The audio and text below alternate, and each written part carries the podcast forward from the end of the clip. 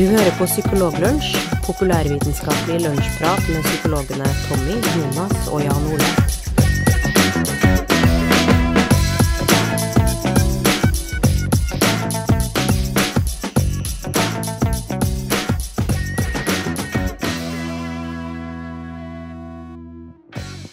Ho, ho, ho. I dag er det bare åtte måneder igjen til andre juledag, og det feirer vi her i Psykologlunsj med å introdusere mine medlunsjere eh, Tommy Mangerud og Jonas Våg.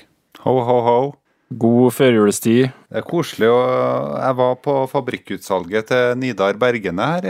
Altså Nidar som det heter nå, da. Bergene heter kanskje på 80-tallet. Det gjorde jeg. Men, eh, og der solgte de faktisk påskemarsipan eh, fortsatt. Så det går an, eh, hvis man eh, bor i Trondheim og har lyst til å kjøpe seg julemarsipan, så kan du bare dra og kjøpe påskemarsipan og pakke det om og gi det bort til jul. Kanskje de har begynt med å selge påskemarsipan 2017 tidlig? Det kan hende. Men Jonas, du fortjener jo å spise så mye påskemarsipan du bare orker, for i dag så har du bursdag. Det har jeg. Er det ikke koselig å ha bursdag, Jonas? Kjempekoselig. Det hadde Ja. vært eh, enda koseligere å ha hatt bursdag når vi hadde episode 70. For jeg blir jo 35. Halv 70? Så kunne jeg hatt et eller annet ordspill på det, men, eh, eller et eller annet morsomt å ha sagt rundt det. Men nå, eh, nå er det jo eh, episode 71, så jeg har jo ikke eh, det, Da har ikke jeg noe å si, faktisk. Jeg blir Det har jeg faktisk gått og tenkt på hele uka. Akkurat det der. ja. Men eh, det hadde jo vært veldig passende hvis vi hadde funnet fram noe, noe bursdagspsykologistudier, men det har vi ikke. Nei. Men det, Nei. det er ikke langt unna, da. Det er ikke det, nei? Nei da. Du, Jonas, du har funnet fram uh, noen studier som uh, omhandler hvor du skal gå og få hjelp hvis du er uh, ille ute i bymiljøet. Ja. og i tillegg så skal du røpe noen studier knyttet til uh, lesesalspsykologi. ja. Ja. Det er veldig relevant nå, når det begynner å nærme seg eksamenstid. Ja, det er, det er sant, det. Åh, det er så glad jeg er ferdig med. Oh. Jeg er veldig, veldig glad jeg er ferdig med eksamenstid. åh. Det skal vi aldri ha igjen. Oh. og nå provoserer vi mange av lytterne våre, for det er jo stort sett psykologstudenter, tipper jeg, som sitter og hører på. Vi har veldig medfølelse, da. Eh, samtidig som vi, som vi er utrolig glad for at vi ikke er i samme situasjon. Ja, men har vi egentlig medfølelse? For jeg tenker, eh, jeg tenker litt sånn at eh, jeg sleit meg gjennom det greiene der, så da skal de søren meg slite seg gjennom det, de også. Det er sant, det. Og jeg håper at de har det minst like ille som det jeg hadde det. Empatisk. Ja, men det er, eh, det er reciprocity. Ja. er også noe som heter det. du. Affektintoning. Tommy, du skal eh, fortelle oss eh, om eh, noen begreper fra psykologiens verden som vi kanskje bør slutte å bruke. Det gleder jeg meg veldig til. Mm. Men jeg tenkte kanskje at vi kunne begynne med Jonas. Ja. Siden han har bursdag. Hvor skal man gå og søke hjelp når man er ille ute i ah, ja. bymiljøet? Ja, vi starter med den, ja. Ja, det er jo greit, det. Det er jo her er jo cutting edge eh, forskning innenfor sosialpsykologien. For du har jo sikkert lurt på om hvis du beveger et bymiljø, er det da lurt å søke hjelp hos andre personer eh, i en gate med masse luksusbutikker? Eller eh, er det lurt å søke hjelp hos personer i en gate uten luksusbutikker? da? Hva tenker dere om det? Ja, jeg håndterer eh, Jeg er så dårlig på å håndtere folk med luksusvaner, så eh, jeg, jeg tror kanskje Jeg vet ikke, jeg vet ikke hvordan jeg snakker til sånne mennesker som går i sånne butikker, så jeg ville, jeg ville følt meg kanskje tryggere det andre stedet. Det er, jo, det er jo interessant eh, når jeg leser denne artikkelen, så er det sånn Det er akkurat som de studiene her. Det er gjort tre studier da, i, i denne artikkelen. Så, eh, så seg inn i rekken av studier på hjelpsøking ved luksusbutikker. det det syns jeg det er interessant, altså. Ja. Eh, Men, eh, men i hvert fall, altså, det er gjort tre eksperimentelle, altså mer sånn Det er jo et eksperiment som, som gjennomføres i det naturlige miljøet, da. Så at, eh, så du bruker dem eh, Du bruker jo personer på gata, liksom, i dem eh, Enten i en gate som ikke har luksusbutikker, og så en gate som har luksusbutikker, da. En studie gikk ut på å se på dem som kommer ut av de butikkene. Eh, Studie to handla mer om å, uh, uavhengig om de var inne i butikken eller ikke, at de bare passerte på gata, liksom. Mm. Og den tredje var òg knytta til det. da. Og det som er interessant, da, er jo at de finner jo selvfølgelig det at eh, i en gate med luksusbutikker, uavhengig om du har vært innpå eller eh, at du bare passerer forbi en sånn luksusgate, eh, så er det mindre sannsynlig at du hjelper f.eks. en person i rullestol som har mista noe på bakken, da, Mm. i det, de her eksperimentene. Og så er det artig når de går inn på diskusjon, så handler det mer om eh, at du har blitt eksponert for noen sånn type cues, da, eller sånn hint rundt deg. Mm. At eh, når det er luksusbutikker rundt deg, så blir du påminnet materielle verdier. Mm.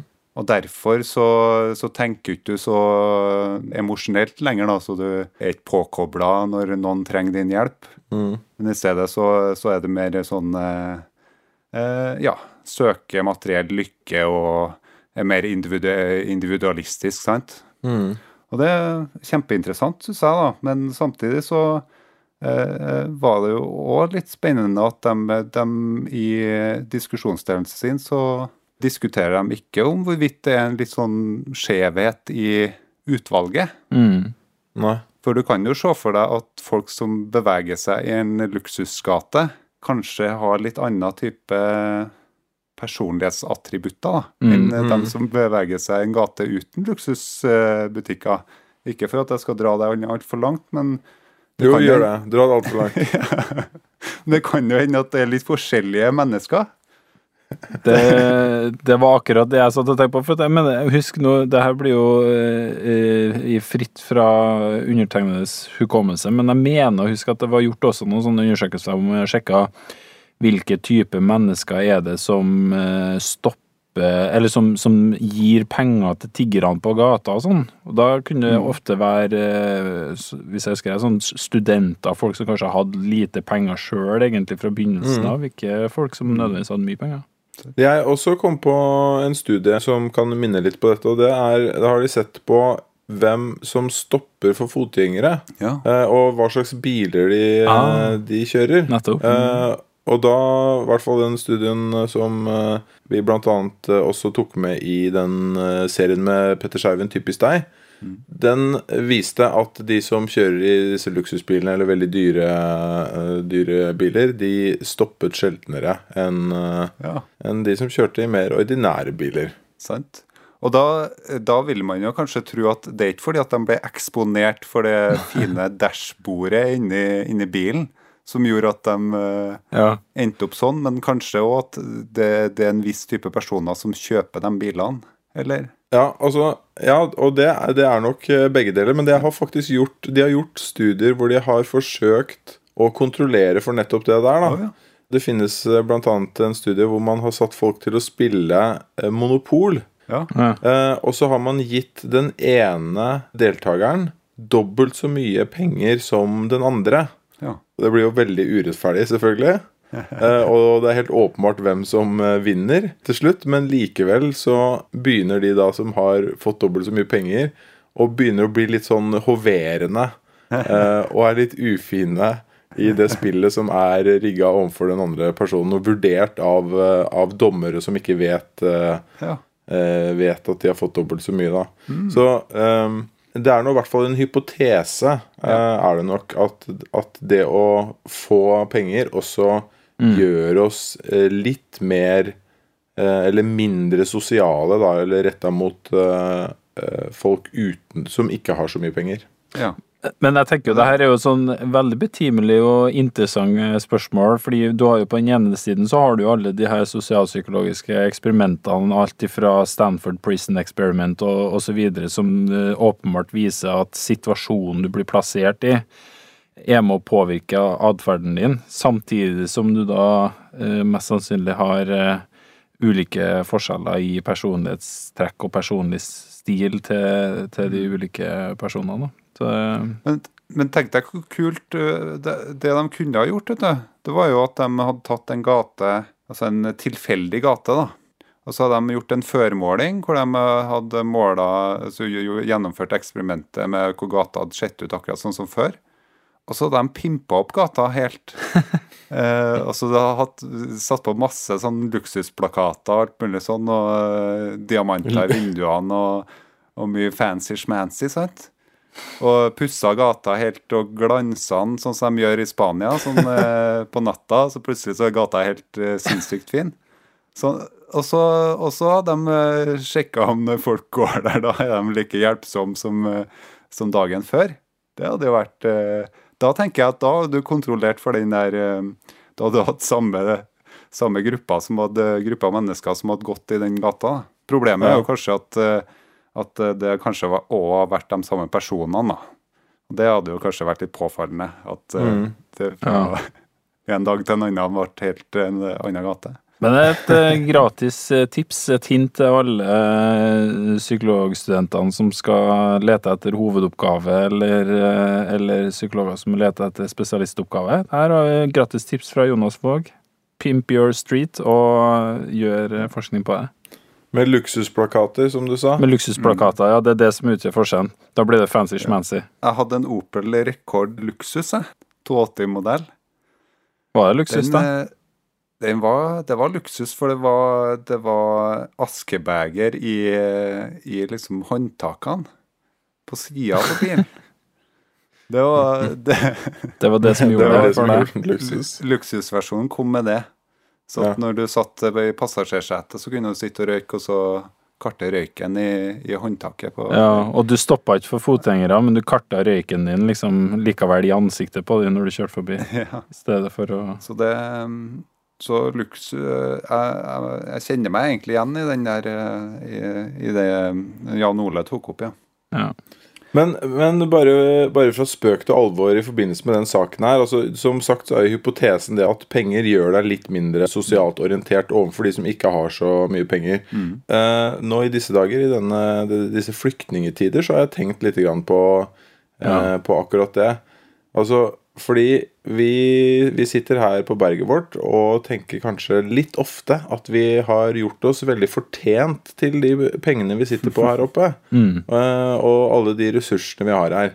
Uh, vi har liksom vært ekstra flinke som har funnet den oljen og, uh, og gjort det ekstra bra. Og derfor så må vi jobbe hardt for å ikke dele med alle de andre som ikke har vært så flinke som oss. Mm. Så kanskje ligger det på et nasjonalt plan også, eh, denne tendensen eh, der. Ja, du, du har, har jo faktisk rett i det. Ja ja, det er ettertanke. Sånne dype tanker, det pleier vi ikke å, å gjøre her i Psykologlunsj. Det skal aldri skje igjen. Skal prøve å unngå det. Vi skal ikke knytte det til sånne storpolitiske spørsmål igjen. Jeg angrer meg allerede. Uff, ja. Nå skulle vi ha hatt litt sånn rorbua-musikk mellom, så at vi hadde fått vekk her, den eh, dårlige stemninga. Ble det dårlig stemning av det?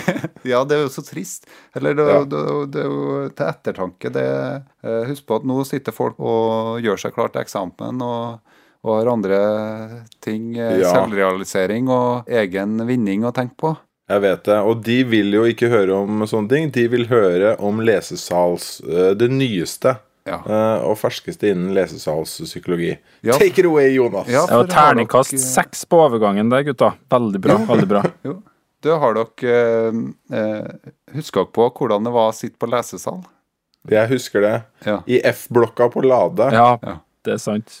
Eh, kom, var det noen gang at dere opplevde at hm, de andre leser jo så mye raskere enn meg?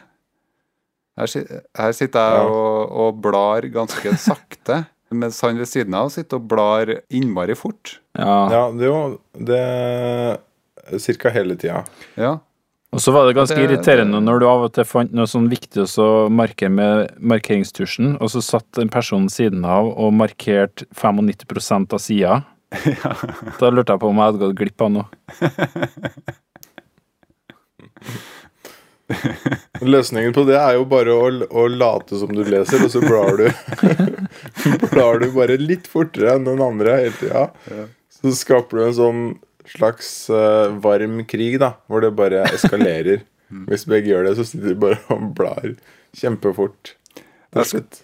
Ja. Nå, skal, nå skal ikke jeg utlevere eh, den personen jeg tenker på, men eh, da jeg fikk tildelt eh, Etter hvert så fikk du jo tildelt fast lesesalsplass. Så du begynte å sitte sammen med folk som du, som du kjente fra før. da. Ble kjent med over ganske lang tid. Da var det, var det en, en som satt rett attmed meg, som, eh, som hadde lært seg sånn såkalt speed reading. Ja. Altså at eh, tanken om at bare du fører fingeren raskt nok over uh, sida og følger ordene, så kan du lese opptil ti ganger raskere enn det du gjør til vanlig. Ja. men bare for å ha sagt det, så er det, er det ganske tvilsomt, uh, tvilsom effekt av det. Det vil Ja. jeg tro. Ja, for det, der er du innpå det jeg ønsker å ta for meg. Da, at siden eh, Hvis du da driver og leser eksamen og irriterer fordi at sidemannen sitter og såkalt speedreader, da, så er det kommet en helt ny review som tar for seg de studiene som, eh, som har gått på speedreading, hva du får med deg egentlig når du speedreader. da. Og det, det er ikke veldig mye, altså. Det, det, det er kanskje det som studiene sier, at det kan være en grei måte å skumme gjennom innholdet på. Eh, men du kommer til å slite med forståelse av hva egentlig teksten handler om. Mm. Så hvis du speedreader et kapittel, eh, så kan det hende at du husker på noen ord fra kapittelet, men du sliter med å forstå det poenget med kapittelet på et vis. Mm. Og, og det det syns jeg egentlig var ganske, ganske morsomt. Fordi at eh, jeg husker på når jeg, jeg, jeg trodde jo at jeg hadde gått glipp av noe vesentlig når jeg satt på lesesalen og, eh, og hadde jo ikke sjans til, å- til å sitte og ta fingeren så raskt over eh, teksten. Og det så jo hvor den der artikkelbunken bare hopa seg opp eh, hos eh, min sidekamerat. Mens jeg sjøl hadde jo bare en sånn liten artikkelbunke og, og gjerne måtte lese de kapitlene om og om igjen for å i hele tatt få med meg noe. Ja. Så kanskje til syvende og sist da, så, så var ikke det med speedreading eh, så bra som man skulle ha tro. Mm. Eh, og hvis noen eh, kunne ha tenkt seg å lese seg opp for å fått noen sånne type eh, slagkraftige argumenter mot speedreading, så skal jeg selvfølgelig legge link til den artikkelen på, på sida vår. Mm. Veldig, veldig bra. Veldig bra tema. Det, eh, læring er ikke alltid så enkelt som man skulle tro. og Det er en del myter der også. Apropos myter, så Tommy, du har snublet over eh, en liste skrevet av en mann som vi har vært innom her før også, en som heter Scott eh, Lillenfield. Som er en, eh, er en myteknuser innenfor psykologiens verden. Og nå har han skrevet en ny liste med ting. Hva er det for noe? Det var smooth overgang nummer to i kveld. Ja, altså. det bare smoothness. ryr, ryr ut av Ja. deg nå. Jeg har tatt et smoothness-kurs i smoothness. Det er veldig bra. Ja, han har det. Han, det som du sier, han, vi har vel vært inne på det før, er en person som eh, liker å bøste psykologimyter, blant annet, og har en bok som heter 50 populære myter i psykologien sånt. nå. Som folk bør eh, sjekke ut. Den er bra. Det er en av de bøkene jeg har bladd mest i. Det må jeg bare si. Ja. Det er mye tjukt med referanser og veldig mye bra. Ja. eh, Bra både historisk eh, og, og oppdatert forskning. Det, han er veldig grundig, og det er litt av eh, utfordringen min egentlig og nå. For at han har da laga en, eh, en oversikt over 50 eh, psykologiske og psykiatriske begrep eller termer som ofte blir eh, Som vi burde kanskje tenkt litt over hvordan vi bruker, da. Både fordi de blir brukt på feil måte, eller de kan bety flere ting. Og den lista er lang, altså. Og med tjukt av referanser. Så vi skal legge en lenk, lenke til den òg, tenker jeg. Men eh, jeg tenkte kanskje jeg skulle ta så bare nevne noen av de, og eh, ja, Som en sånn liten intro, det å ha litt innpå her, og det kan være greit å si, for at psykologien er jo ikke den mest robuste vitenskapen, om man skal i hele tatt kalle den det. Jeg vet ikke om dere er spesielt uenig i det? Er ikke det? Nei, det, det visstnok så er det ganske sånn Mye av det som eh, foregår i psykologien, kan være litt sånn ullent og problematisk, altså. Ja, det kan det. Jeg hørte jo en sånn podkast som av og til snakker om det. Jeg trodde jo hierarkiet var sånn eh, at du har på førsteplass så har du psykologien, så har du fysikken, og så har du kjemien, Og så en og matematikk. så kommer biologien, Og så har du keramikken. så keramikken, ja. Keramikken er ganske tett. Det er jo litt sånn diskuterbart om biologien eller keramikken er, er liksom eh, først. Ja. Og jeg glemte jo egentlig at, eh, at heimkunnskap ligger jo mellom eh, psykologi og, og fysikk der. Ja, det er jo Og klart. metallsløyd er helt Nesten helt oppe ved psykologien. Altså, jeg stoler mer på at en tresleiv oppfører seg som en vil enn kvantemekaniske prosesser, altså. Ja. Så det er litt tvil om at det skal høyt opp. Men poenget er i hvert fall at psykologien da er litt ullen. Og Scott Lillienfield han sier at eh, vi bør kanskje være ekstra påpasselige med å være litt nøyaktig i da eh, ordene og begrepene vi bruker. Så ikke de også blir eh, brukt på feil måte, da. Eller brukt på en sånn måte at det gjør faget enda mer ullent. Og denne teksten den fikk vi et tips om av en, en lytter, Pål Erik. Så takk til Pål Erik. Kikka litt gjennom det. Skal komme med noen forslag til dere nå, hør hva dere sier. Pål Erik finnes ikke. Det er bare, det er bare Tommy selv som har eh, gjort det. Det er sant. Sorry for det, Pål Erik. Um, det første jeg tenkte jeg skulle ta for meg, det var det her med når man snakker om uh, psykologiske kapasiteter eller prosesser som noe som er genetisk bestemt. Det kan jo være eh, problematisk. Vi snakker jo av og til om det, at, liksom at det, det ene eller det andre er genetisk bestemt, når eh, man kanskje i beste fall kan si at noe har en genetisk påvirkning, eller har en genetisk komponent, da. Og eh, til og med de tingene, eller de sykdommene, eller de trekk eller funksjonene som er å anse som å ha en høy genetisk komponent, da, er jo fortsatt ikke Det er aldri 100% Nei. Et veldig godt poeng der er en som heter Tim Spector. Han er, en, han er liksom en av de fremste tvillingforskerne i verden. da. Og har skrevet en bok som heter 'Identically Different'. Hvor han bl.a. tar for seg det med at eh, det er mye større variasjon enn det vi skulle tro. Også blant enegga tvillinger som er 100% like genetisk sett. Så er det jo faktisk sånn at selv om veldig mange sykdommer har høy arvelighet, så dør de veldig sjeldent av samme sykdom. Eh, eh, så selv en sånn hjerte- og karlidelser f.eks., som har veldig høy arvelighet, så dør de veldig ofte eh, av forskjellige ting eh, likevel.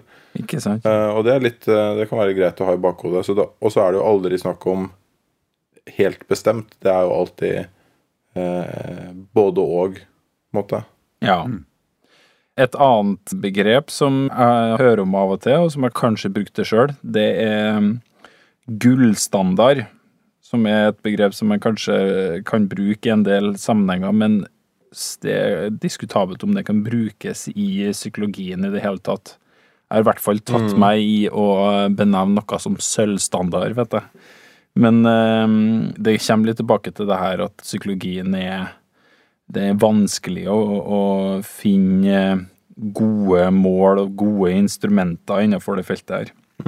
Sånn at eh, til og med da når at man har noe som er godt etterprøvd og viser seg å være nøyaktig, så bør man kanskje da i større grad bruke begrep som at det er godt utprøvd og har en eh, høy validitet, i stedet for at eh, man sier at noe er gullstandarden, da. Et annet eh, begrep som man dukker opp i, borti, i hvert fall i, i kanskje i rettssystemet, og i hvert fall i Hollywood-filmer, det er jo løgndetektor. Ja. Det er jo egentlig et sånn rett og slett et sånn feilbegrep. Det, det har aldri vært snakk om at noe er en løgndetektor.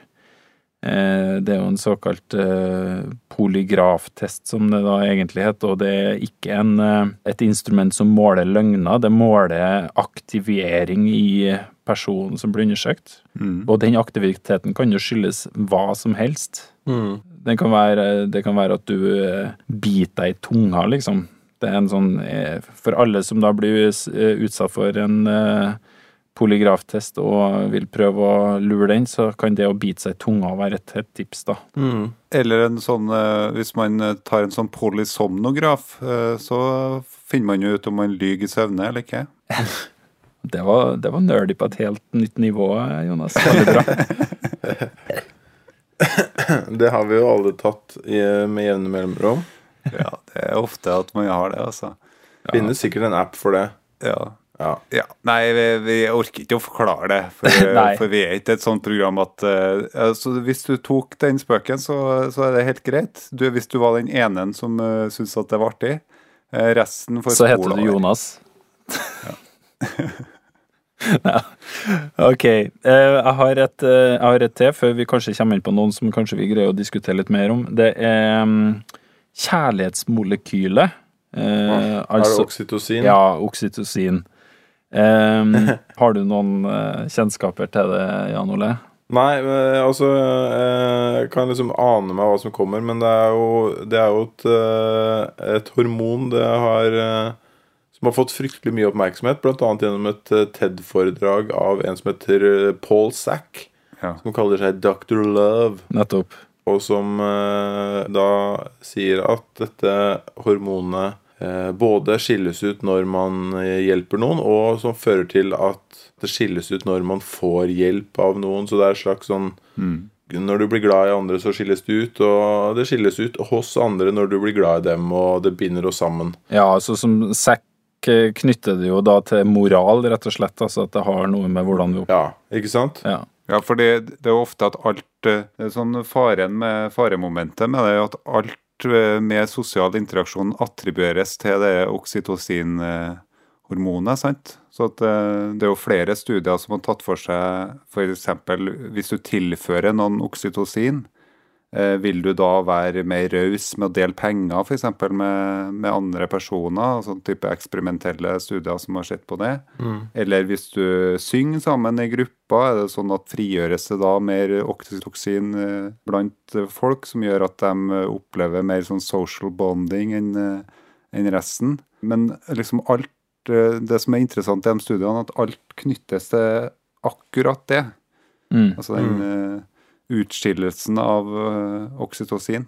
Eh, Her i Norge så har jo eh, en Aftenposten-kommentator og siviløkonom Katrine Aspås har snakka mye om oksytocin. og det, det, det hormonet står veldig sentralt i bestselgerboka hennes 'Raushetens tid'.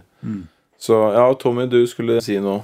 Ja, altså dere, dere er inne på mye av problemet, og i tillegg så er det jo sånn at eh, mye av de undersøkelsene som er gjort på det, da det, det det tyder på, er at oksytocin kan gjøre individer mer sensitive til sosial informasjon, men både positivt og negativt. Det blir liksom fort også kategorisert at det er en, et sånt plusshormon som, som er bare sånn fordelaktig. Noen undersøkelser blant annet ja, tyder på at hvis man da får en sånn eh, dusj med oksytocin i nesa, en spray, så kan man da eh, øke den tilliten du har til den gruppa du allerede tilhører, altså den inngruppa, men også større eh, fiendtlighet mot utgruppa. Eh, nå skal jeg dra fram litt egen forskning. Ja, det er det Det- doktor eh, Doktor Våg som kommer på banen her nå. Nei, men det er ikke akkurat eh, Det er ikke noe, er ikke noe hard science, da. Men, eh, men eh, la oss se for oss at oksytocin er med i den der bonding-prosessen, da. Så kan den negative effekten er jo akkurat sånn som man Lillefeld er inne på, at, at du kanskje styrker tilhørigheten hos din gruppe, men ikke nødvendigvis blir mild og grei mot alle sammen. Mm. Det, det, kan, kan ende mer at det sikrer overlevelse rundt din nære gruppe, sant? Og mens utgruppa kan det hende at du egentlig fjerner mer og mer fra. Så hvis du vil ha hjelp når du går rundt i byen, så bør du ikke bevege deg i en gate med masse luksusbutikker og dytte masse oksytocin i nesa til dem som du, du vil prøve Ja, hvis du, å hvis du ser veldig veldig rik ut, så kan du gjøre det. Ja, hvis- da, da ser de på deg som en av dem. Og da vil de klemme deg og redde deg. Det er sant. Men uh, jeg tenker det er et veldig viktig poeng her. Altså, nesten alltid, hvis du noen gang får høre en sånn enkel forklaring som at uh, oksytocin det gjør deg mer samarbeidsvillig og gjør deg glad i alt og alle, så er det stort sett feil. Vi er litt mer kompliserte enn som så. Og sånn som eh, Jonas eh, kommer inn på, at eh, når det fasiliterer bonding med barnet ditt, f.eks. oksytocin, for det skilles ut når man ammer, så er jo ikke det sånn at alle ammende mødre går rundt og elsker alt og alle rundt seg. Det er ikke sånn at de blir kjempeglade i, i personen som står i kassa på butikken. Ja. Det er jo der for at du skal knytte deg til barnet ditt, og det gjøres jo på bekostning av noe. Det, det er jo en prioritering. Mm. Det er ikke sånn at du blir ukritisk glad i alt og alle. Det er en prioritering av din unge, og den prioriteringa den går gjerne på bekostning av noe annet. Mm. Og det kan være relasjoner til andre. Mm. Så du har fokus på ungen din, og så gir du kanskje litt grann mer F i andre. Mm. Så, så man må, man må, tenke to skritt eh, framover, tenker jeg, når man får høre sånne veldig enkle forklaringer. Ja. Og, og ikke fly rundt og hevde at det er hele sannheten. Og for å gjøre det hele bare litt sånn enda litt eklere før vi går videre, så er det noe som tyder på at hvis du da er et individ som har eh, mye aggresjon i det, mye personlighetstrekk som er knytta til aggresjon, så kan eh, oksytocin gjøre at eh, det øker sannsynligheten for partnervold. Mm. Så det, det, er jo kjærlighetshormonet på sitt beste, ikke sant? Ja, ja. ja. Dr. Love. Ikke sant. Eh, det neste er kanskje litt sånn åpenbart for folk inne i fagfeltet, men jeg vet i hvert fall at det er mange utafor, og kanskje noen innenfor òg, som, som, har misforstått det her. Det er begrepet multippel personlighetsforstyrrelse.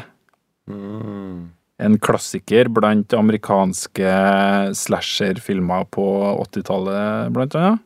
Som da er en tanke om at uh, man kan utvikle eh, helt separate personligheter og personlige identiteter som er avskåret fra hverandre, som ikke har noen kontakt med hverandre og ikke har noen hukommelse om hverandre og ingen integrering, da, eller ingen sånn De er fullstendig avspalta. Mm. Så de, de, vet ikke om hverandre? De vet ikke om hverandre og kanskje snakker med forskjellig stemme eller har forskjellig kjønn og forskjellig alder og alt mulig sånt. Mm. I dag, så for dem som ikke vet det, så er det jo det er ingen diagnose som heter det. Det nærmeste man kommer, en diagnose som heter dissosiativ identitetsforstyrrelse, som også er diskutert, eller som er Hva heter det for noe? Kan man vel si på en forsiktig måte, ja. så kan man si at den er diskutert. Det som er omstridt, eh, kan man si, er eh, at eh, det, det er noen problemer, noen diskusjoner knytta til det òg. Men det er i hvert fall veldig Når man har gjort laboratorieforsøk, da, så er det veldig lite som tyder på at det er sånne tette skott imellom de her ulike delene av den såkalte personligheten til personer som, som lir med, av de problemene her, da. Ja, hvis jeg ikke husker helt feil også, så var det eh, noen kanadiske forskere som så på det her fordi at eh, dette her ble en altså, forholdsvis hyppig diagnose. Man satte altså multiple personlighetsforstyrrelse som man satte i Nord-Amerika på 80-tallet. Men i Canada så forekom ikke det nesten i det hele tatt. Mm. Så der var det noen canadiske forskere som prøvde å finne henvisninger til disse multiple personlighetene i litteraturen, da. Antikken. Mm. Hva sa du, Tommy? Ja, altså, sånn, eh, Hvis jeg ikke husker feil, så er det litt sånn eh, altså, eh, altså, de fleste Det er veldig mange lidelser og, og, sykdommer som har referanser langt tilbake i litteraturen, og til og med litt sånn vage psykiatriske lidelser fins det beskrivelser helt tilbake i antikken, liksom. Ja, ikke sant. Og det, jeg tenker uh, Grekerne de skrev om uh, depresjon, altså nedstemthet Mm. og tristhet. De skrev om eh, angst, og de skrev om tvang, og de skrev om psykoser. Men av en eller annen grunn så finner man eh, så å si ikke referanser til eh, multiple personlighetsforstyrrelse egentlig før type 60-tallet. Da det begynte å dukke opp i populærkulturen. Så det, eh, man har tenkt at det egentlig begynte der først. Og disse canadiske forskerne de utlovde faktisk en dusør på 10 000 dollar for de som eh, klarte å finne noen referanser til en sånn type psykisk eh, lidelse. Mm. Så der, eh, Twitter og Facebook-lyttere, er muligheter for diskusjon hvis at eh, Der har vi da Der har man bretta ut litt den her såkalte debatten, eller diskusjonen knytta til det. Det er nok mange meninger om, om det her. Jeg kan jo si at vår eh, tidligere foreleser, eh, Tommy, Leif Edvard Ottesen Kinnear, Mm. har jo skrevet eh, en artikkel eh, om eh, den multiple personlighetsforstyrrelsen. Mm. Som ligger ute på skepsis.no. Den kan være verdt å lese. Kanskje vi skal lenke til noe i shownotes. Mm. Videre skal vi se når jeg tar og hopper over noen her, for det blir fort uh, mye her. Uh, her var bare en som var litt sånn morsom, som jeg har uh, Jeg vet ikke hvor mye den har med, med psykologi å gjøre nødvendigvis, men jeg syns den var litt morsom sjøl. hva tenker dere hvis noen skal lære seg noe, men det er av en sånn vanskelighetsgrad at man omtaler det som at personen vil ha en bratt læringskurve? Mm. Hva tenker dere om det? Er det en enkel eh, eller vanskelig oh, ja. eh, egenskap å lære seg? Å ha en bratt læringskurve. Ja. For at, ja. Uh, Ja. ja, det er et godt spørsmål. Er, altså, det du, eh, spørsmålet ditt er når man har en bratt læringskurve, er det mest sannsynlig at man har med et enkelt materiale å gjøre, ja. eller et mer komplisert materiale? Jeg Altså, når du eh, På, I dagligtalen, liksom, når man bruker det, det begrepet. Ja. Mm. Nei, da vil jeg jo tenke at da har man eh, blitt konfrontert med veldig mye ny informasjon. Ja, ikke sant? Altså det, det Eh. brukes ofte på noe som Når man sier at noe har en Altså at det er, en, det er noe som er vanskelig å mestre, Mm. eller som er utfordrende, så har man, vil, man få en bratt, vil man ha en bratt læringskurve. Men hvis du tenker bare bitte litt over det, så betyr det egentlig nøyaktig det motsatte. Hvis du har Ja. en bratt læringskurve, så er det jo egentlig en, eh, en evne som er veldig lett å lære seg. Du lærer det jo med en gang. Ja, og hvis du holder på med noe som er klin umulig å, å lære deg, så har du ikke noe læringskurve overhodet. Ja, ikke sant? Så det, den var litt morsom, sa jeg. Um, ja, her var en ting Dere kjenner til de gode, gamle gestalt-psykologene, sant? I, fra Ja. 20-30-tallet eller noe sånt. Um, begrepet closure var jo egentlig et begrep som dukka opp der, som egentlig ble brukt til å beskrive um, sanseapparatet vårt eh, evne til å se ufullstendige figurer som helheter. Mm. Mm. Eh, altså Hvis du så en stipla linje, så hadde du liksom tendensen til å se det like fullt som en linje, ikke som, en, ikke som prikker, liksom. Bare Mm. tilfeldige prikker.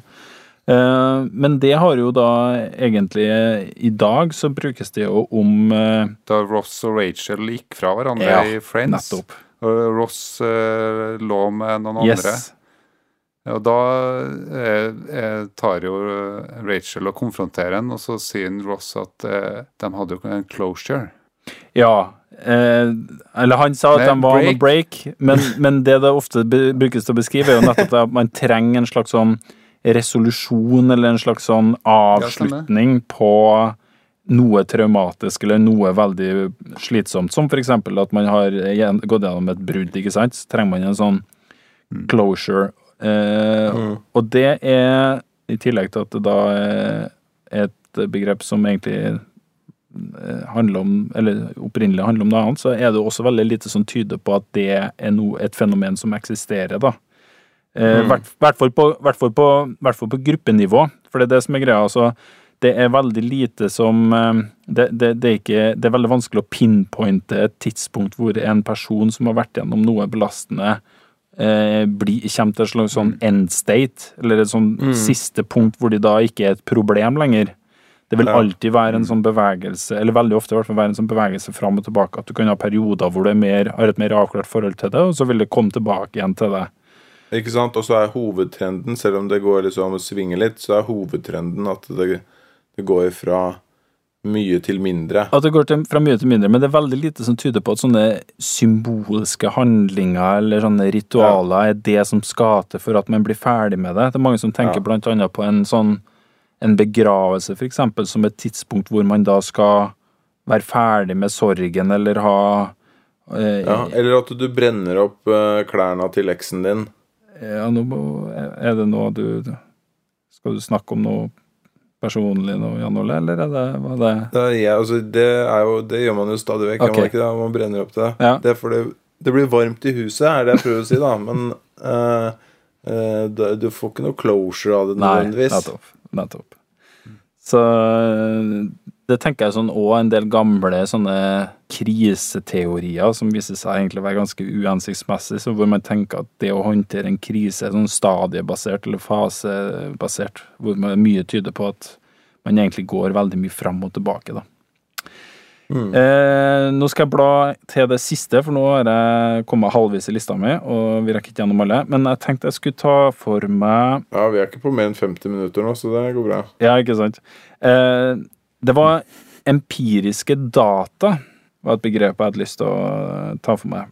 Fordi empirisk betyr egentlig at noe er basert på en observasjon eller en erfaring. Eh, og det ofte folk tenker, er at empiriske data er det samme som kvantifiserte data. Altså noe, noe som er tellbart, eller noe som er håndfast.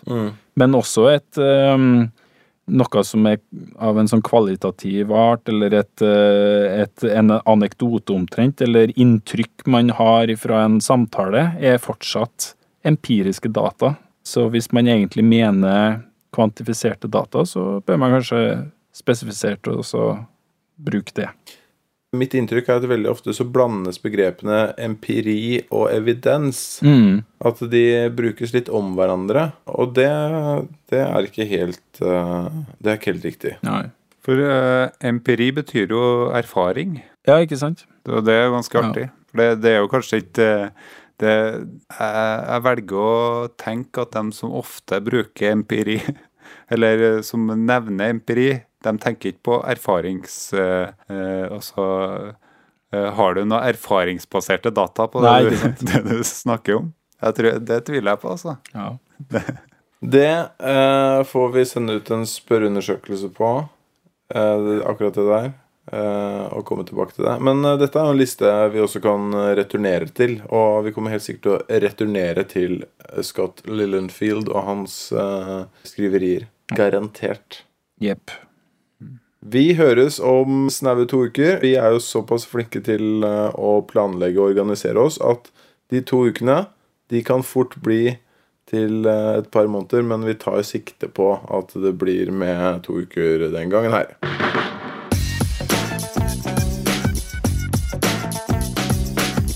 Du har nå lytta til Psykologlunsj.